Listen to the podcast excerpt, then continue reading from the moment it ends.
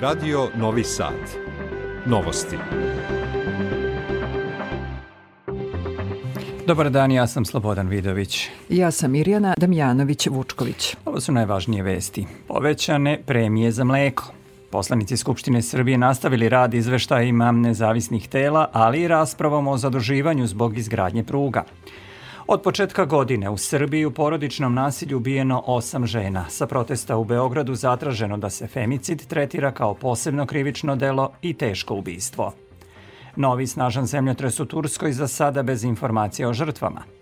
Objavljeni novi konkursi Nacionalne službe za zapošljavanje za poslodavce i nezaposlene. U ovoj emisiji čućete i priču o prvoju, prvoj rodi koja je stigla u Taraš ove godine ranije nego što je to uobičajeno.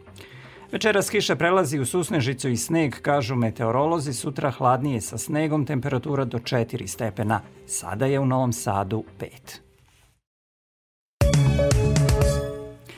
Republički hidrometeorološki zavod objavio je upozorenje zbog nagle promene vremena na području Srbije. Očekuje se da se jako zahlađenje do kraja dana i sutra sa severa premesti i ka ostalim delovima zemlje.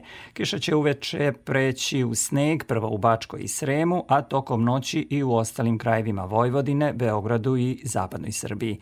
Sneg će biti vlažan, ali se očekuje početak stvaranja snežnog pokrivača, kažu meteorolozi. Putari pozivaju voza, vozače na oprez zbog mokrih kolovoza, ali radova na pojedinim deonicama. Iz Automoto Saveza Srbije Nevena Damjanović. Saobraćaj će se danas odvijati po uglavnom mokrim kolovozima jer nas očekuje promenljivo vreme sa povremenom kišom u pojedinim krajevima i sa obilnim padavinama. Uveče, prema rečima meteorologa, kiša prelazi u sneg. Intenzivnije padavine uvek smanjuju i ograničavaju vidljivost što dodatno opterećuje vozače, zato u ovakvim uslovima vozite sporije i na većem odstojanju kako bi imali vremena da u svakom trenutku odreagujete sigurno. Velika oscilacija temperature u kratkom vremenu utiče na čestu pojavu odrona kojih ima pored useka Osijeka i Klisura. Zbog izgradnje nove pruge Novi Sad Kelebija obustavljen je saobraćaj na putu Vrba Savino selo, a obilazni put vodi preko Kule. Radova ima i na više deonica magistralnog puta Šabac Ruma, kao i na mestima gde se ovaj put ukršta sa lokalnim putevima. Država će povećati premije za mleko sa 10 na 15 dinara po litru, a subvencije po grlu sa 25.000 na 30.000 dinara. To je rezultat jučerašnjeg sastanka proizvođača i otkupljivača mleka sa premijerkom Anom Brnabić. Ministarka poljoprivrede Jelena Tanasković za RTS kaže da je to kompromisno rešenje, ali da moramo da branimo svoje tržište koje je poremećeno. Definitivno ono što je jako dobra stvar u smislu zaštite našeg tržišta jeste uvođenje prelemana. To jeste jako teška mera jer mi smo evropski orijentisana država koja je otvorenog tržišta i to treba odbraniti, ali prosto trenutno takva je situacija da mi moramo da branimo svoje tržište koje je potpuno poremećeno. Znači imate proizvođače koji imaju mleko, nemaju kome da ga daju na otkup jer su mlekare pune zaliha, to mora nekako da se reši. Takođe Takođe imamo novu meru za finansiranjem 50% kupovine novih steonih junica. Na razgovorima koje sam ja u proteklom periodu imala sa proizvođačima, neki od njih smatraju da bi možda bila bolja i efikasnija mera da one poljoprivredne proizvođače koji zadrže žensko tele finansiramo u četiri kvartala po 25.000 dinara, što smo mi rekli ok, neka bude opciono. Jeste, to je dogovoreno, to je ostalo da se formalizuje kroz uredbu. Poslanici Skupštine Srbije nastavili su rad raspravom o 26 tačaka dnevnog reda, među kojima su izveštaji o radu nezavisnih državnih organa. Pored rasprave o izveštajima, poslanici će na ovoj sednici birati direktora Agencije za sprečavanje korupcije, a Ministarstvo pravde na osnovu rang liste Pravosudne akademije predložilo tri kandidata – Poslanici treba da potvrde i više međudržavnih sporazuma, kao i da usvoje zakon koji se odnosi na izgradnju pruge Beograd-Niš. Ministar građevinarstva, saobraćaja i infrastrukture Goran Vesić odbacio je kritike opozicije koja je tvrdila da se za prugu Beograd-Niš uzima kredit od 2,8 milijarde evra, precizirajući da je reč o ukupnoj vrednosti pruge, a da je kredit u iznosu od 1,6 milijardi evra. Prema njegovim rečima, Evropska unija će nam dati grant od skoro 600 miliona evra, a ostatak, oko 527 miliona, biće finansiran iz budžeta Srbije. Vesić je u Skupštini Srbije govorio i o planovima za rekonstrukciju starih železničkih objekata, navodeći primer stare ranžirne stanice u Novom Sadu. To je stanica koju ćemo rekonstruisati, od nje napraviti prostor za IT industriju, za kreativnu industriju, za mlade ljude, jer to je stanica koja je blago. Inače, sam onu okretnicu tamo na samom toj raženoj stanici u Novom Sadu projektovao je biro Gustava Eiffela, što malo ljudi u Srbiji zna, što ima neku svoju težinu. I tako ćemo raditi sa mnogim drugim napuštenim železničkim objektima. Nedavno sam dao nalog železnice da se popišu svi napušteni železnički objekti. Svi ti objekti će biti ponuđeni lokalnim lokalnim samupravama da bi se u njima razvijalo nešto što možda bude korisno za te lokalne samuprave. Srbija će povećati broj pripadnika vojske i drugih snaga odbrane u međunarodnim misijama sa sadašnjih 700 na 800. Predlogom vlade o izmenama odluke o upotrebi Vojske Srbije i drugih snaga odbrane koji je usvojio Skupštinski odbor za odbranu i unutrašnje poslove, navodi se da se povećanje odnosi na učešće u borbenim grupama Evropske unije za upravljanje krizom, za šta bi bio upotrebljen jedan vod vojne policije sa pratećim oficirima i logistikom, Odbor je usvojio i predlog za angažovanje Vojske Srbije u mirovnoj misiji Ujedinjenih nacija u Mozambiku, gde bi, kako je navedeno, otišla do dva oficira Vojske Srbije. Srbija i Ujedinjeni Arapski Emirati potpisali su na sajmu na oružanja i vojne opreme u Abu Dhabiju ugovor o kupovini dronova kamikaza za vojsku Srbije. Večernje novosti pišu da je ugovor potpisan juče, posljednjeg dana sajma, i da bi to sofisticirano naoružanje koje proizvode Emirati trebalo da bude isporučeno već za šest meseci. Slušate novosti. Zaoštrena politika Narodne banke Srbije može da dovede do pada inflacije od drugog kvartala ove godine, rekao je predsjednik Saveza ekonomista Srbije Aleksandar Vlahović u oči Kopaonik Biznis foruma koji će biti održan od 5. do 8. marta. On kaže da je inflacija u eurozoni smanjena za više od 2% i da to daje nadu da će u Srbiji uporedo sa zaoštrenom politikom Narodne banke inflacija kod nas početi da pada u drugom kvartalu ove godine. Ovogodišnja centralna tema Koponik Biznis foruma je otpornost ekonomije u neizvesnim vremenima, veliki izazovi za Srbiju i Zapadni Balkan, za koju Vlahović kaže da se sama nametnula, jer živimo u vreme velikih ekonomskih rizika.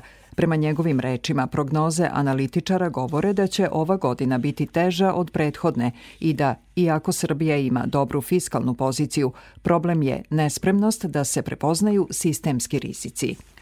Za godinu dana rata u Ukrajini kroz Srbiju je prošlo više od 148.000 Ukrajinaca, a 26.000 njih prijavilo je boravište u našoj zemlji, izjavila je komesarka za izbeglice i migracije Nataša Stanisavljević. Prema njenim rečima, komesarijat je u stalnom kontaktu i vodi računa o 4.500 Ukrajinaca koji se nalaze u privatnom smeštaju, kao i onima koji se nalaze u kolektivnom smeštaju predviđenim za građane Ukrajine u Vranju. Ona je precizirala da u Centru za azil trenutno boravi 75 osoba, dok 19 dece pohađa školu. Prema podacima Kancelarije za azil, do sada je 1231 osoba iz Ukrajine dobila odluku o privremenoj zaštiti. A u Ukrajini ruske snage pojačavaju napade na istočnom južnom frontu, dok Kijev koncentriše vojsku na granici Zaporoške oblasti. Ukrajinska vojska tvrdi da je Rusija udvostručila broj aktivnih brodova u Crnom moru. Ukrajinski predsjednik Volodimir Zelenski saopštio je da planira da se sastane sa kineskim predsjednikom Xi Jinpingom kako bi razgovarali o predlozima Pekinga o okončanju rata, prenosi BBC. Zelenski je povodom prve godišnjice rata u Ukrajini rekao da kineski predlog signalizira da je Peking uključen u potragu za mirom. Kaže da želi da veruje da Kina neće isporučivati oružje Rusiji. Predsjednici Rusije i Turske Vladimir Putin i Recep Tayyip Erdogan razgovarali su telefonom o praktičnim aspektima daljeg snabdevanja Turske energentima iz Rusije i izgradnji nuklearne elektrane Akuju u Turskoj, saopštila je preslužba Kremlja. Lideri dveju zemalja razmenili su mišljenja o situaciji u Ukrajini sa posebnim osvrtom na primjenu Istanbulskog sporazuma o žitu, prenosi TAS. Zemljotres jačine 5,3 stepena po Richterovoj skali pogodio je centralnu Tursku, objavio je Evropski mediteranski seizmološki centar. Epicentar je bio 18 km od Emigazija na dubini od 10 km. Za sada nema informacija o žrtvama.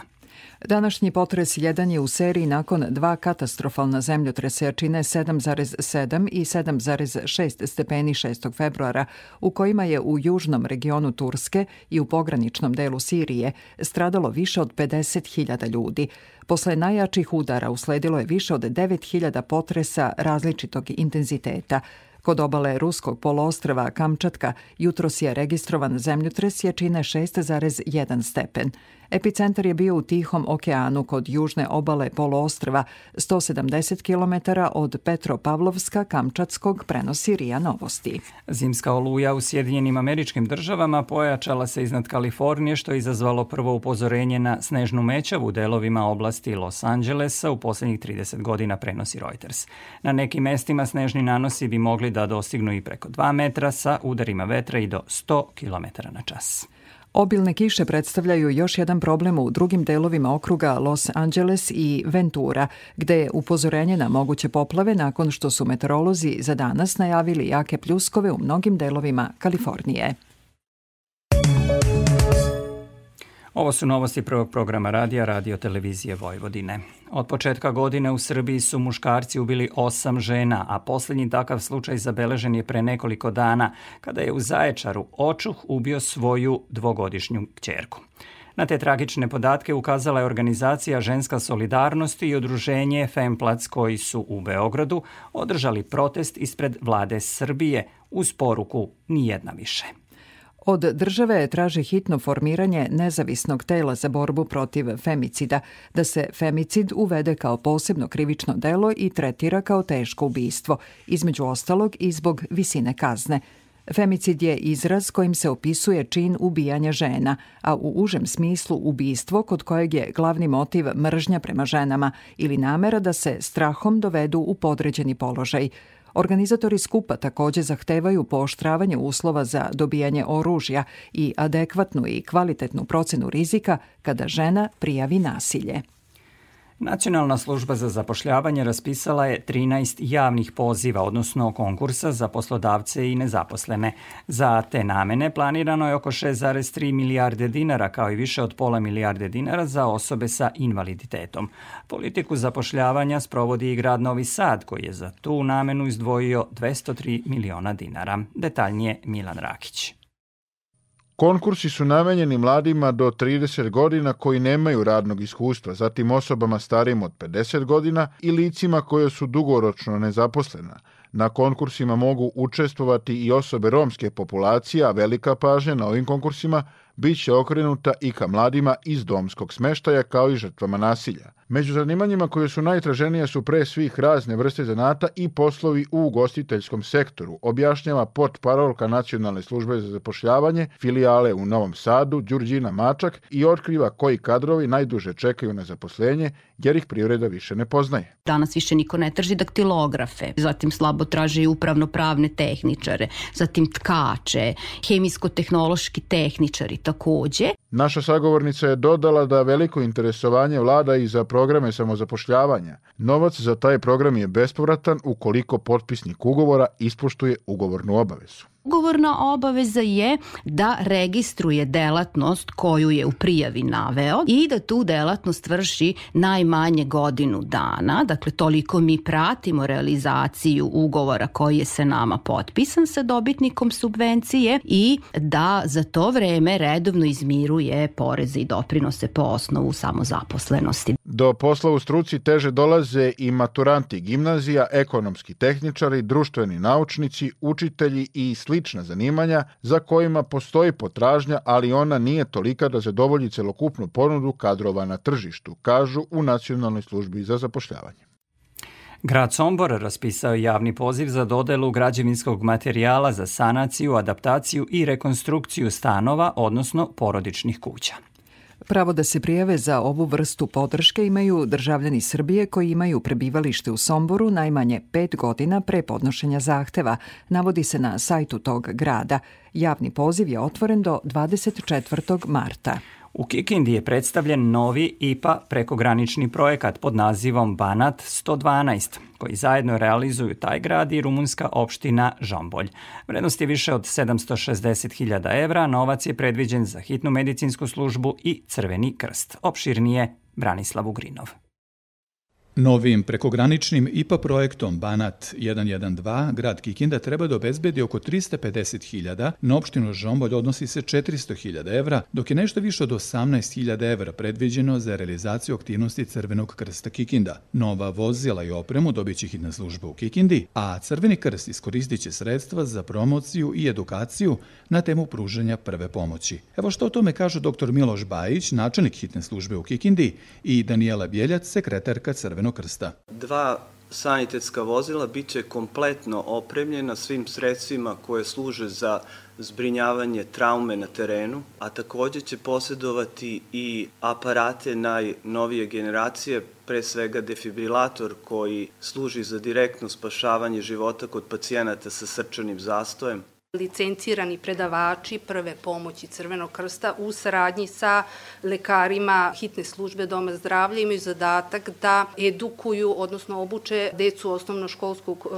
uzrasta. Grad Kikinda je do sada iz evropskih fondova iskoristio preko 2 miliona evra za projekte Zeleni Banat, povezanost Banata 1, povezanost Banata 2, dok je protekle godine završen projekat Eco Lakes, kada je kultivisan prostor namenjen odmoru i rekreaciji, podsjetila je Dijana Jakšić-Kjurski, zamenica gradonačelnika Kikinde. Ova sredstva moraju biti obezbeđena u budžetima partnera, a onda nakon što se projekti uspešno realizuju, što znači da prođu određene monitoringe od strane nadležnih finansijskih institucija, što domaćih, što rumunskih sredstva, ova ukupna sredstva će biti refundirana iz evropskih fondova fondova u iznosu od 85%.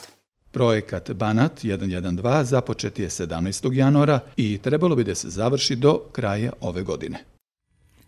Prva roda stigla je u Taraš, ove godine ranije nego što je to uobičajeno. Kao i prethodnih 11, prvi je stigao mužjak rode, koga su meštani nazvali Prvo je.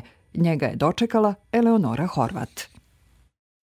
U Banatskom selu Taraš godišnje oko 30 parova belih roda nađe dom. Već 11 godina za redom prvi u selo stiže prvo je, a ove godine stigao je najranije od kada se prati njihovo kretanje, kaže Aleksandra Cucić-Marovac iz udruženja Taraške rode. Inače smo očekivali da će doći ranije smo pratili neke rode iz okruženja koje se prate transmiterima, sve su dolazile ranije i tako da smo očekivali negde, ali se nismo nalili baš tako rano da će doći.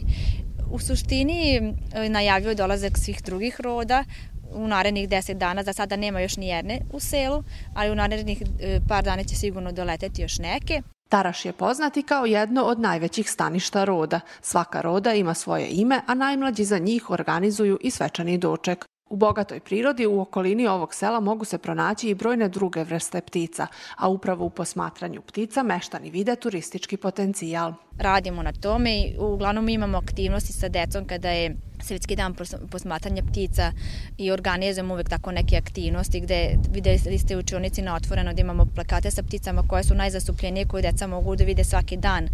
Mislim da će u tom nekom pogledu naša deca biti u pravom smeru edukovana, da pored roda prepoznaju druge ptice selice, ptice stanarice. Nekako te ekološke aktivnosti su nam uvek, uvek cilj. 2015. godine Taraš je bio proglašen i za Evropsko selo roda, a danas su rode i svojevrsni zaštitni znak sela. Prevesti iz sporta još jedna informacija. Danas će biti održano završno peto izvlačenje prvog kruga nagradne igre Uzmi račun i pobedi uz direktan prenos na prvom programu RTS-a od 18 časova. Vlada Srbije saopštila je da je u četvrtak nadmašena magična brojka od 100 miliona skeniranih računa, što ovogodišnje izdanje nagradne igre čini ubedljivo najuspešnijim od svih izdanja do sada a nastavlja se domaće prvenstvo u futbalu. U Ivanjici igraju Javor Crvena zvezda. Od 16 časova u Bačkoj Topoli sastaju se TSC i Spartak iz Subotice.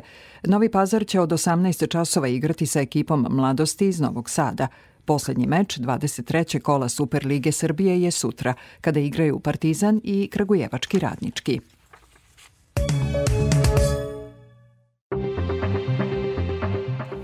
Još jednom najvažnije vesti. Povećane premije za mleko. Poslanici Skupštine Srbije nastavili rad izveštajima nezavisnih tela, ali i raspravom o zaduživanju zbog izgradnje pruga. Od početka godine u Srbiji u porodičnom nasilju ubijeno osam žena. Sa protesta u Beogradu zatraženo da se femicid tretira kao posebno krivično delo i teško ubistvo. Novi snažan zemljotres u Turskoj za sada nema informacija o žrtvama. Objavljeni novi konkursi Nacionalne službe za zapošljavanje za poslodavce i nezaposlene. Meteorolozi kažu da večeras kiša prelazi u susnežicu i sneg. Sledi detaljnija prognoza. U Vojvodini u nedelju oblačno i hladnije sa susnežicom i snegom, vetar umaren severnih pravaca, pritisak ispod normale, jutarnja temperatura od 0 do 2, maksimalna od 3 do 4 stepena. U Srbiji u ponedljak pretežno oblačno sa povremenom kišom na jugu i istoku Srbije, na zapadu i severu sa susnežicom i vlažnim snegom ponegde. Utorak manji porast temperature i suvo u prvom delu dana, kasnije popodne i uveče kiša dolazi sa juga i premešta se ka severu Srbije. U sredu oblačno sa kišom povremeno. Za Radio Novi Sad, Žika Pavlović, Meteos.